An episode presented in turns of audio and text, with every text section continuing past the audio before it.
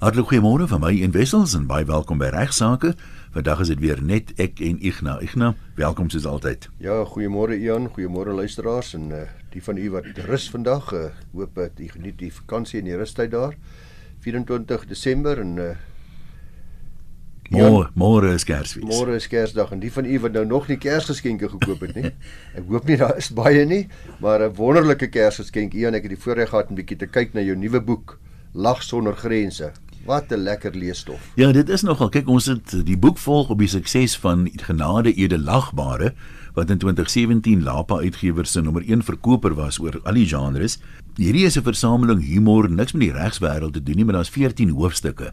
En kyk, humor is maar altyd ten koste van hmm. iemand. Al is dit nou brakpan. So ons bedoel nie om lelik te wees met iemand nie. As dit so was, dan sou brakpan meer sielkundiges per vierkante kilometer gehad het as enige ander dorp in Suid-Afrika. ja. Maar dan is uh, humor oor kinders, oor mans en vrouens, oor skoonma, oor bagge se dinge. Daar's humor uit die kerk uit wat ek by baie uh, dominees gehoor het onder andere. So 'n um, lekker lagboek oor die algemeen, daar's niks vuil grappies in nie. Wat spesifiek lekker is van hom as jy nou nog nie 'n kers geskenk het nie. Hy werk nie met batterye nie en hy draai maklik toe. Dit is spesiaal so geskryf dat selfs 'n ou met twee lankerhande hom kan toedraai. En as jy naby Exclusive Books is, hulle die boek op hulle kersuitstalling, so jy behoort hom redelik maklik te kry in die winkel. Anders 'n uh, bietjie laat nou om direk te bestel, maar die meeste boekwinkels behoort te hê maar as dit 'n bietjie laat is en jy gee nie om nie, jy wil dalk self nog hier in die vakansie bietjie lees, dan kan jy hom direk bestel by Lapa, aanlyn lapa.co.za of as jy 'n skakeling kantoorure 0124010700. Die boek is ook op amazon.com as 'n e-boek beskikbaar. Ek dink ons lag te min, soos ons gesê het vroeër op RSG in die advertensies, jy weet lag verlig net stres as jy vir hom vrye teels gee. So lag sonder grense, jy sal net beter voel daarna. Ian, ons het uh, in 2015 op 'n stadium uh die hofsaak bespreek wat ek dink die bekendste hofsaak in die hele wêreld is, naamlik die mensdom versus Jesus van Nasaret. Ja. 30 na Christus. Nou uh ons het so baie navraag gekry soos jy ook weet, uh, daarna elke jaar gevra ek wil ons nie maar weer hierna kyk nie.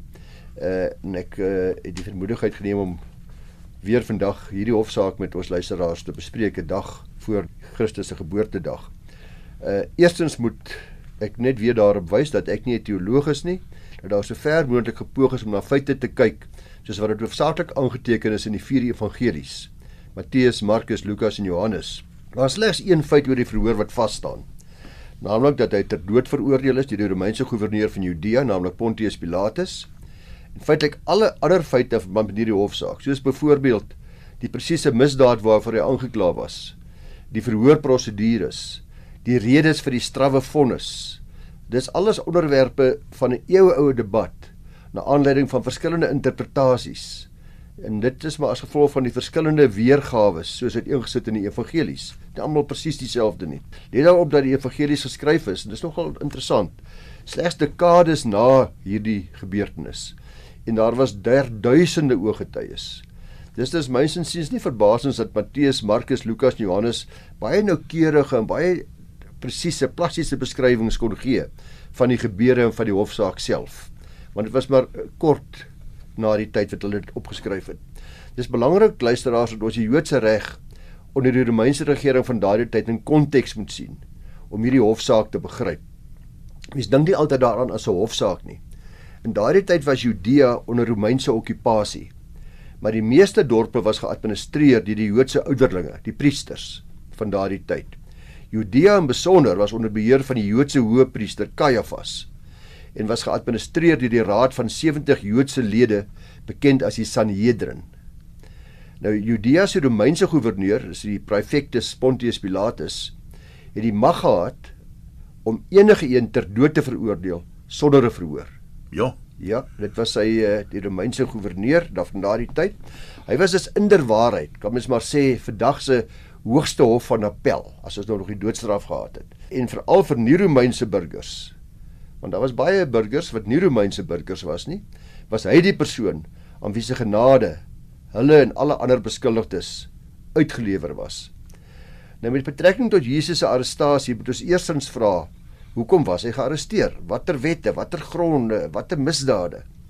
Wat was die motiewe? Dit word gesê dat sy optrede in Jerusalem die week voor die arrest, die hoofoorsaak was. Onthou, dit was die groot Paasfeestyd. Plus minus 300 000 pelgrims was bymekaar in Jerusalem. Die Jesus met sy geleende donkie die stadshekke binne gery het. Maar die vraag kom onmiddellik op of die skare se entoesiasme dalk as opruiery of opruiend beskou kon word. Maar dit wil tog nie so voorkom nie, maar tog het die aankoms by die donkie genoeg belangstelling gaande gemaak om ook die aandag te trek van die tempelowerhede in daardie stad.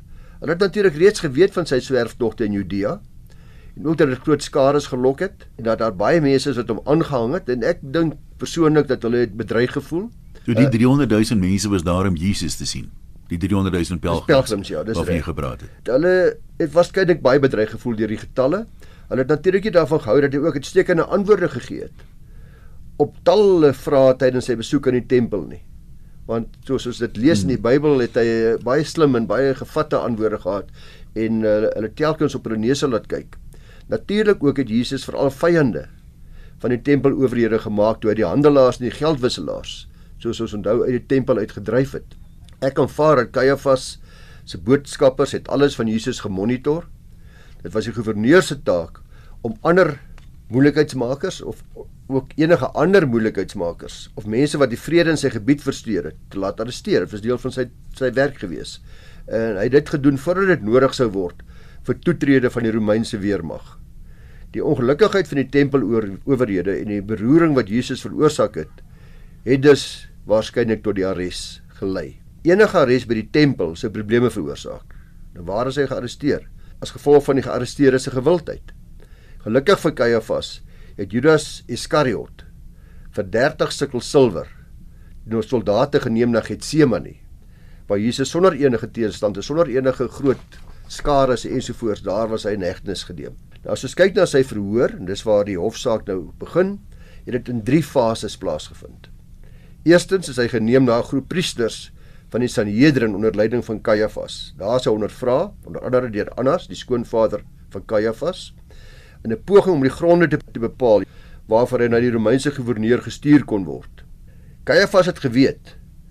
Uh, hy het vir Pontius Pilatus geken. Hy het geweet Pontius Pilatus gaan nie geïnteresseerd wees in die Joodse godsdienstige geskil nie. Hy het ook besef dat die om, om, om hierdie goewerneur betrokke te kry, om hom geïnteresseerd te kry in hierdie saak en ook sy aggressie op te wek. Hy enige klagte in politieke terme moes inkleer. Die klag was gevolglik dat Jesus gesê het dat hy, ek haal aan, die koning van die Jode sluit aanhaling is. Nou dit is hoogverraad teen die goewerneur wat eintlik die heerser oor die Jode was of die koning van die Jode was. Kom 'n ander ou, 'n ander persoon en hy sê ek is die koning van die Jode. Hoogverraad was die klag. Met hierdie klag teen hom word hy na Pilatus toe verwys vir verdere optrede. Pilatus was duidelik nie baie beïndruk met die geldigheid van hierdie klagte nie. Hy het op sy beurt verwys hierdie klagte na Herodes Antipas, 'n pionierser van Galilea. Hy sê nee dat dat Herodes hierdie saak hanteer. Ek sien lus hiervoor nie. Herodes was toevallig ook in Jerusalem vir Paasfees gewees. Ons sien egter dat Jesus geweier het om met Herodes Antipas te praat En nadat hy deur die Herodes se soldate getreiter en verneder is, word hy toe teruggestuur na Pontius Pilatus. Miskien moet ek ook hier noem uh, luisteraars dat die Sanhedrin het reeds sy uh, by sy verskyning voor hulle vir Jesus skuldig bevind aan godslastering wat hulle nou beskou het as die, as 'n as 'n werklike belangrike klag, maar soos ek sê vir Pontius Pilatus het hulle meer die politieke kleur gegee van hoogverraad. Maar hy skuldig bevind aan godsverlastering deur hulle En in Joodse reg het die doodstraf in elk geval deur steniging regverdig. Godslastering. Markus sê in die Bybel dat hy reeds daar tot dood veroordeel is. Maar Lukas sê nee, hy sê niks van die uitspraak of van 'n vonnis nie. Dit lyk in elk geval nie vir my of die Sanhedrin sulke bevoegdhede gehad het nie om iemand ter dood veroordeel nie. Daar's nie ander voorbeelde daarvan nie. Soos reeds gesê die Romeinse goewerneur hierdie reg gehad. Die laaste deel van die verhoor vind dan voor Pontius Pilatus plaas. Hier moet jy die ondervraging lees soos wat in die Bybel uiteengesit word. Moet ons veral let op die poging tot kruisverhoor en die briljante wyse uh waarop Jesus dit hanteer. Let ook daarop dat op daardie stadium was Barabbas, onthou hy was 'n veroordeelde moordenaar, 'n prisonier van Pontius Pilatus. Pontius Pilatus bevind toe as regter dat hy geen foute oortreding vind by Jesus nie. Hy sê dit. Hy's 'n goeie voorbeeld van 'n regspreker wat sy verantwoordelikheid ontduik as gevolg van druk deur die gemeenskap. Hy besluit naamlik om 'n keuse te gee aan die ver vervolgers. Laat die volk dan nou maar besluit. Ek vind niks verkeerd nie, maar dat die vervolgers besluit, hulle moet besluit tussen vrylating van Barabbas of vrylating van Jesus. So doen hy die spreekwoordelike aangee van die bal. Hy's waarskynlik ook bang om vir Jesus vry te laat want hy besef die moontlike bedreiging wat Jesus inhou vir die Romeinse ryk. Nou die Joodse skare vra soos wat verwag kan word, wat vra hulle? Hulle kies vir Barabbas, laat Barabbas vrygelaat word. Pontius Pilatus was sy hande dan in kamstige onskuld uh, en hy oorhandig Jesus aan die tempelowerhede vir eksekusie. Hulle vonnis hom toe tot die dood, soos hulle alreeds eintlik vroeër al gedoen het, uh, deur kruisiging op die klag van hoogverraad. Hierdie verhoor luisteraars is 'n baie goeie voorbeeld wys vir my en vir ons almal die onhoudbaarheid van 'n regstelsel waar die regbank nie onafhanklik van die staat is nie of oorgeset syne waar die politieke leier ook terselfdertyd die appelhof is. In Suid-Afrika is ons geseën met 'n baie goeie werkbare grondwet wat uitstekende waarborg is vir die onafhanklikheid van ons regbank. Vandag nog het hierdie hofsaak 'n duidelike invloed op die lewens van miljoene mense hier op aarde. En gelukkig vir almal wat luister en wat Christene is, was daar 'n pragtige einde want 3 dae na die kruisiging het die tereggestelde beskuldigde opgestaan uit die dood. Dankie Ignas, baie interessant. Luisteraars, Ian, baie interessante brief gekry. Handel bietjie met opregte berou en bekering wanneer 'n mens dan nou oortree het en dat daar nou 'n kriminele aksie teen jou ingestel word van Choppy of dalk is dit Chappy, hy skryf vir sy baie duidelik nie. Skryf my in sy eie handskrif uit die rooi grond gevangenis. Hy begin sy brief en hy sluit dit af met Bybelversies en seënwense en dit blyk dat hy gevang was vir roof en gefonnis is tot 'n baie lang periode van gevangenisstraf. Hy sê dat hy voor die hofsaak gelukkig tot bekering gekom het. Hy het gevolglik skuldig gepleit en ter strafversagting vir die landros vertel van sy bekering, hoe dit sy hele lewe verander het Dit dan ook beteken dat hy opregte berou het. Hy het vir die landros gesê dat as hy nie gevangenisstraf kry nie, hy sy lewe aan die Here sal wy en 'n prediker sal word. Nou sy groot beswaar is in die briefie en hy sê dit in redelike interessante taal wat ek nie gaan vir eh, herhaal alles nie. Uh, is dat die landros duidelik by vonnisoplegging aangedui het dat hy hoegenaamd nie belangstel in die bekering nie en dit ook nie in ag geneem het by vonnisoplegging nie. Kan ek daar 'n lansie breek vir die landros? Ehm um, as oud staatsaanklaer het ek nou regtig dit baie gereeld gesien. Ek sê nie dis die geval met uh, mm. Choppy of Chappy wat is hy nie. Ja. Maar uh, wat jy baie keer kry is berou tree in hier voor vonnisoplegging. Dis dikwels nie in die begin van die verhoor nie. So. Na skuldig bevinding en ek meen as ek nou vir jou sê hoeveel stories ons gehoor het van bekerings en die die een wat ek dink ek in die in die vorige boek ingebring het. 'n Soortgelyke storie toe sê die Landros hy gaan nou maar steeds 'n langtermyn gevangenisstraf oplê want um, hy verstaan dat die beskuldigde tot bekering gekom het, maar daar's 'n geweldige behoefte in die tronk aan mense wat wat mense na Jesus toe kan lei. So hy bied hom nou die geleentheid om die ja. goeie werk daar voort te sit. Ja. Ja, kyk uh, ek kan daaroor getuig. Ek het in my loopbaan net ook as 'n jong man baie gesien toe ek nog baie strafwerk gedoen het, want hy sê hier ook, hy sê die landros het 'n paar opmerkings gemaak maar dit blyk dat die landros hom nie glo nie onder andere het die landros gesê dis jammer dat hy net tot bekering gekom het voor hy die misdade gepleeg het nie. Hy sê die landros het ook vir hom gesê dat hy niks gedoen het om ware berou te teen teenoor sy slagoffers in die paar maande voor vonnisoplegging terwyl hy al reeds bekeer was nie. Wat ook belangrik is wat ook 'n ja, aanduiding is van die opregtheid daarvan. Kon 'n briefie geskryf het vir hulle ook? Ja, natuurlik. Die landros het ook vir hom gesê die feit dat hy skuldig pleit as 'n mens skuldig is beteken nie dat jy ligter gestraf moet word nie. Dis nogal ook baie interessant. Skuldigpleit is gewoonlik 'n bietjie strafversagtend. Aan die ander kant jou blamwaardigheid word nie daardeur verander. Nee, dis waar. Wat die misdaad betref nie. Nou Choppy antwoord nie op hierdie laaste stelling van die landros nie. Hy sê nie hy sê maar net wat die landros gesê het, maar hy sê glad nie in sy brief uh, hoekom hy nie daaroor kwaad is nie dat hy geen berou teenoor sy slagoffers getoon het nie terwyl hy al reeds bekeerd was nie. Maar dan is sy vraag aan my of ek dink hy het te geldig en goeie grond van appel.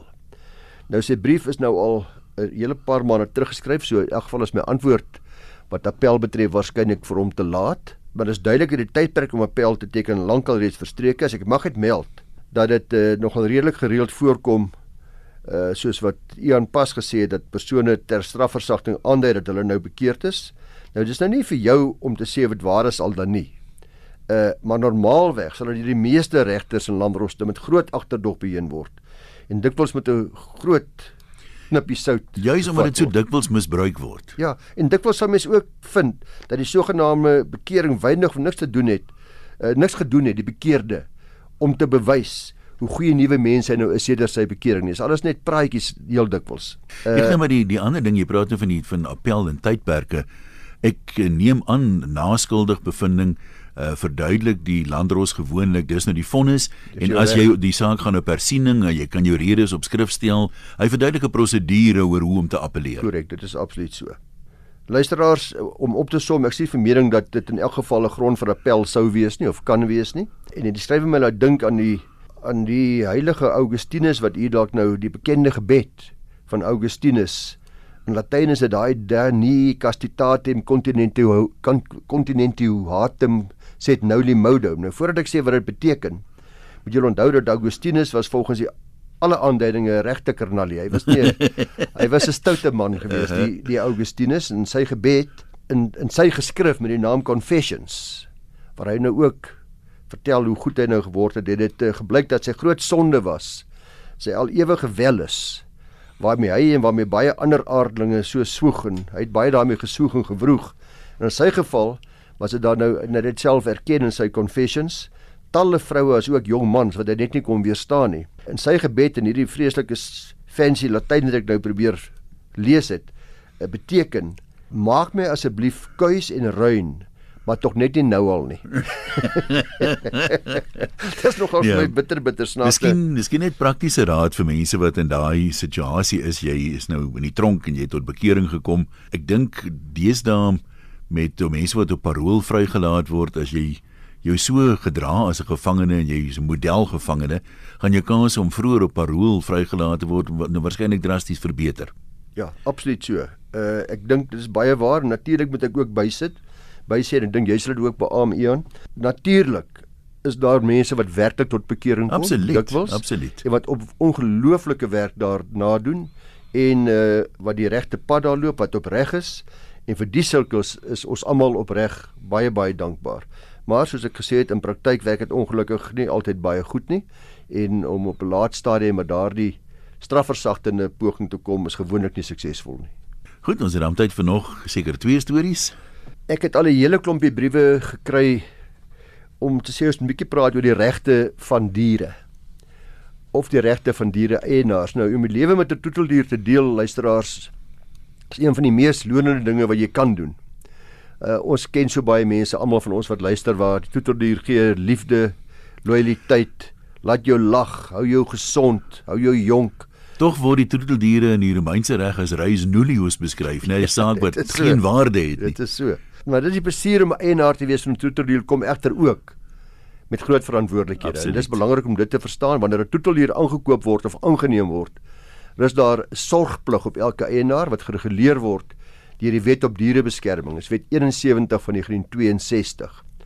Nou hierdie wet maak dit baie duidelik wat beskou word as wreedheid en mishandeling van troeteldiere, troeteldiere wat aan kettinge vasgemaak word. En nou ek sien dit gereeld. Mense wat dink hulle is goed vir hulle troeteldiere, maar die troeteldiere is aan 'n ketting vasgemaak. Dis teen die wet. 'n Troeteldiere wat nie water, kos of skuilings gegee het nie, wat spreek van self. Versuim om hulle te behandel as hulle siek of seer het. Toelaat dat hulle in gevegte met ander honde betrokke raak of met mense hulle op te steek. Skiet van troeteldiere met ligdruggewere, pellets. Mense wat dink hulle snaaks om met jou jou ligdruggeweertjie 'n uh, uh, uh, hond te verwilder wat op jou grasperk is of uh, pla afstand te doen van troeteldiere vir lang periodes sonder dat iemand na hulle kyk. Vakansietye waar ons nou op die oomblik is, wonder ek uh, die van ons wat nou luister wat weet presies wie hulle troeteldiere nou vanaand versorg of vanmiddag versorg of vanoggend versorg en môre gaan versorg. Swak vervoer van plaasdiere uh, wat veiligheidsrisiko's inhou vir die betrokke diere. Ek sien hoeveel keer trokke waar die arme ja. diere op mekaar gestapel is, is net ongelooflik om te dink dat mense aan jou diere so kan behandel. Dan natuurlik die skop en slaan van troeteldiere die aanhou van troeteldiere in vuil toestande. Nou die wet op dierebeskerming sowel as die wet op voorkoming van wreedheid op diere, daar so wet ook in die 93 wet, jammer, gee meestal magtiging aan die dierebeskermingsvereniging DBV om sodoende ondersoek in te stel of daar wel mishandeling plaasvind. So daai wetgewing magtig die DBV om sekere stappe te neem. Indien die eienaar van die troeteldier dan skuldig bevind word aan mishandeling van uh die dier, kan hulle met 'n kriminele rekord selfs sit uh, en natuurlik is die boete wat gegee kan word tot 300 000 rand. Ja. Dit is nogal kwaai. In die nasionale vereniging vir die voorkoming van wreedheid teenoor diere teen die minister van Justisie en Grondwetlike Ontwikkelinge en ander 2016 saak moes die grondwetlike hof besluit of die DBV die mag of die gesag of die reg gehad het om privaat vervolgings uit te voer vir die mishandeling van diere. Nou gevolge die wet op voorkoming van wreedheid teenoor diere het die DBV die gesag om regstappe uit te voer wat en dit's wat die Afrikaanse vertaling van die wet sê in lyn staan met hul funksies in lyn staan met sy funksies. Maar dit was duidelik nie dit was nie duidelik wat 'n strafregtelike vervolging insluit nie. Ek kan stappe neem wat in lyn is met my funksies. Uh sluit dit nou in dat ek stappe dat ek mense kan vervolg dat ek klaar kan wees waar daar geen ander klaars is nie in strafsaake nie. Nou sommige funksies Ek dink sommige van die hooffunksies van die DBV is om die wreedheid van diere te ondersoek. En die hof se eenparige bevinding, ons grondwetlike hof, het begin met die siening dat diere en ek haal aan wat die hof die woorde wat die hof gebruik het, mooi woorde, is metgeselle, vriende en broers van die mens. En die hof het kennis geneem van die DBV se pogings om die welsyn van diere te verdedig. Die hof erken hierso uh, in baie mooi taal in hierdie hofsaak die sentrale rol van die DBV in die beskerming en welsyn van diere veral omdat hulle die funksies vervul wat geen ander staatsentiteit of gesag kan doen nie. Nou die hof bevind dat die DBV spesiale status het om privaat vervolging en gevolge statutêre reg uit te voer. Die hof het ook gesê dat diere beskerm moet word omdat diere en ek haal weer die hof se direkte woorde aan, diere is sentimentele wesens wat in staat is om te ly en pyn te ervaar. Dis 'n uitspraak van ons hoogste hof. Dis handhaaf die DBV die die dierebeskermingswetgewing verband hou met die welsyn van diere en daar kan 'n aksie geneem word deur hulle wat insluit die beslaglegging van 'n troeteldier. Hulle kan jou dier by jou kom vat as hulle van mening is dat daar 'n probleem is. In gevalle dis nou waar daar wreedheid, mishandeling of verwaarlosing plaasgevind het en indien die beslaglegging in 'n dispuut geplaas word, wat ook kan gebeur. Jy kan sê maar julle is verkeerd. Eh, ek bedoel julle kan nie alleen hieroor besluit nie. Dan kan mense klagte gaan indien by die nasionale raad van die dierebeskermingsvereniging. Hulle is die NSPCA en DBVS, 'n eh, nasionale dierebeskermingsverenigingsraad om hierdie voorval te ondersoek.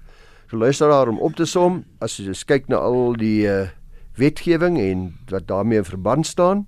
'n uh, verantwoordelike eienaar maak skoon agter jou troeteldier. Hou julle honde te alle tye op leibande wanneer hulle nie tuis is nie, nie aan kettinge vasge nie.